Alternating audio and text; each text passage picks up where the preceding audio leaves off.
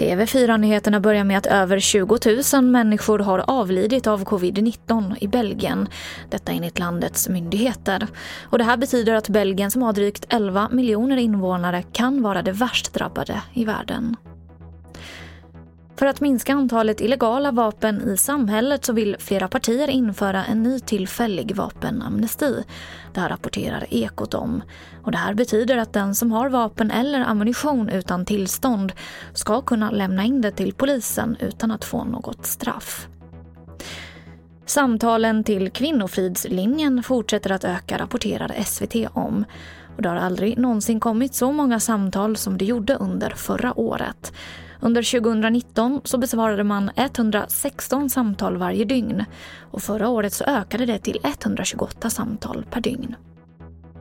Och jag avslutar med att Ebba Andersson tog sin första världscupseger och slutade totalt trea i Tour de Ski. Hon var först över mållinjen i den sista etappen. Och vann Tour de Ski, det gjorde Jessica Dickens. Och det var det senaste från TV4 Nyheterna. Jag heter Emily Olsson.